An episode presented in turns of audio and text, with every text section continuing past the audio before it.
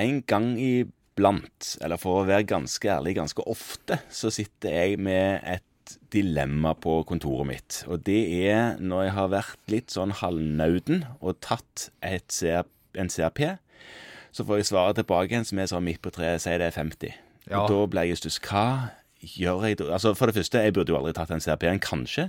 Men hva gjør jeg med det svaret? Ja, nei, det er jo en utfordring der, fordi at erfaring viser jo at pasienten i liten grad blir verken friskere eller sykere om CRP-en er 0, 50 eller 100. Nei, det er helt sant. De er jo den de er, de. De er den de er. Og, og for å besvare det, så må vi jo nesten si litt om hva er CRP for noe? Ja, ser aktivt peptid. Ja, protein. Ja. C-reaktivt protein produseres i leveren. Ja. Mm. Og er egentlig bare et sånt signalstoff for at det har skjedd en vevsskade. Så dersom du er ute og sykler, faller på sykkelen, slår deg og skrubber deg på kneet og tar CRP noen dager etterpå, så vil han være litt høyere. Det kan han godt være. Eller hvis du har vært utsatt for en kirurg. Ja. Alle pasienter som har vært utsatt for kirurger, har høy CRP. En kjører på jobb, vel å merke.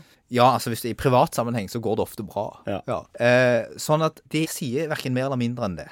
Og, Nettopp. og det er litt viktig å ha med seg, fordi at mange av oss leger og mange i behandlingsapparatet og mange pasienter tenker at hvis du har høy CRP, så har du en bakterieinfeksjon, og da skal du ha antibiotika.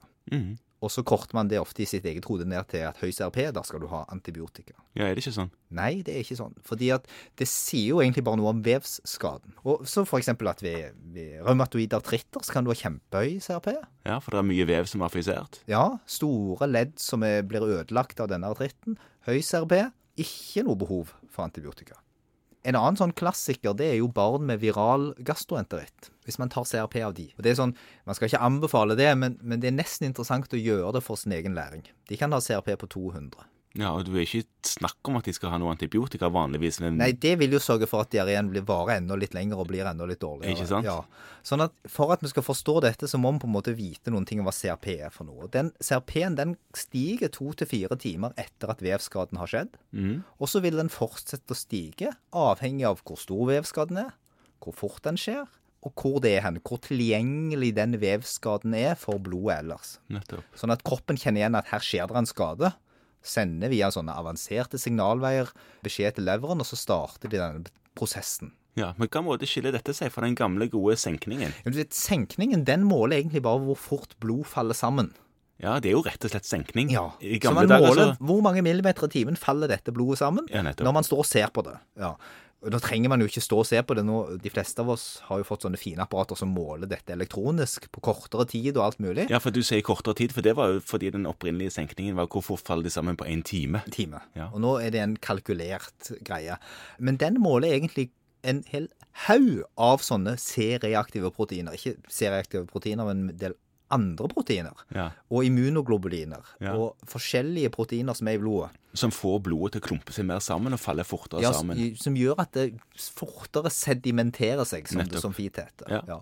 Eh, Så, så det ser man jo f.eks. ved kreftsykdommer, eller ved det Klassiske er jo disse blodkreftsykdommene, som gir masse immunoglobuliner. Nettopp. Da faller det fort sammen. Og det er jo òg fordi at infeksjoner gir immunresponser, som gjør at blodet faller fort sammen. Sånn at senkning måler mange forskjellige ting. CRP er ett av disse. Tilbake til meg, da, som har denne mm, CRP-en på 50. Hva skal jeg tenke om det? Nei, du skal tenke at han har litt stor vevskade. Ja. Og så skal du tenke at hvis den vevskaden skal behandles med antibiotika, så må du vite hvor den vevskaden sitter. ja.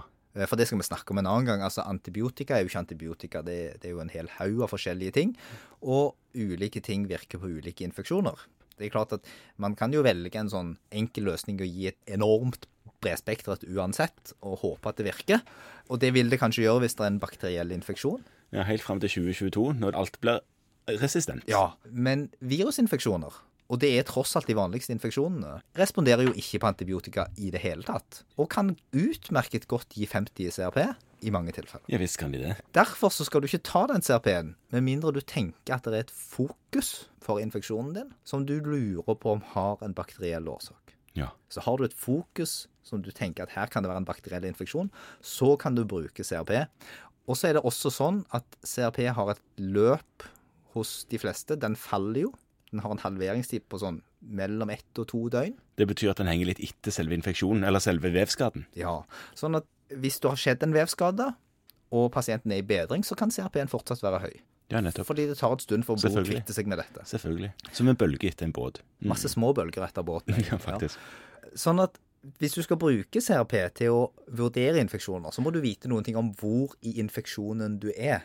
Hvor lenge har dette vart, og hva er rimelig? Og da er det sånn at høye CRP-er etter noen tidssykdom der pasienten har blitt sykere Ved lungebetennelser ser vi ofte det. De har vært syke i fire-fem dager, og det er ingenting som tyder på at de snart blir friske. Og de er dårlige. Da ser du ofte høye CRP-er, og da er det knyttet til bakterielle infeksjoner. Da vil du tenke at ved en virusinfeksjon da, selv om kanskje vevskaden har vært stor, så burde CRP være på vei ned igjen. Mm. Men median CRP for influensa f.eks., den ligger mellom 50 og 100 den etter ett til to døgn. Ja, det er viralt. Ja, influensa er en virussykdom. Nettopp. Ja. Så hvis vi driver på og tar CRP da, så er det lett å gå i bar. Men CRP brukes jo gysla ofte. Ja, og, og det er egentlig ikke så dumt, fordi at hvis du er veldig i tvil, så vil en negativ CRP, eller en lav CRP, en CRP på si under 20, det vil jo understøtte at dette ikke er en bakteriell infeksjon. Og det vil kanskje befolkningen og den syke være med på. Ja, i mye større grad, og vi ser det, der er gjort studier i, i utlandet der de ikke bruker så mye CRP. CRP i allmennpraksis er et sånt skandinavisk fenomen. Og Sveitsisk. og, og sveitsisk, ja. De holder på med det litt. Men vi ser at det reduserer forbruk av antibiotika. Men det som er viktig som behandler, er at hvis du egentlig ikke har tenkt å gi antibiotika, så er det kanskje ikke så lurt å ta CRP. Fordi at hvis du får en sånn halvhøy en, sånn som du fikk, Ja. så er det lett å sitte med skjegget i postkassen. ja. Og ble litt svar skyldig og ikke har så mye å henge den 'nei, du skal ikke ha antibiotika' på. Og det er litt dumt, for det- vi prøver jo å begrense bruken av Vi antibiotika. må det, og det må vi snakke om en annen gang. Det må vi. Ja. Men nå er nok om CRP. Flott.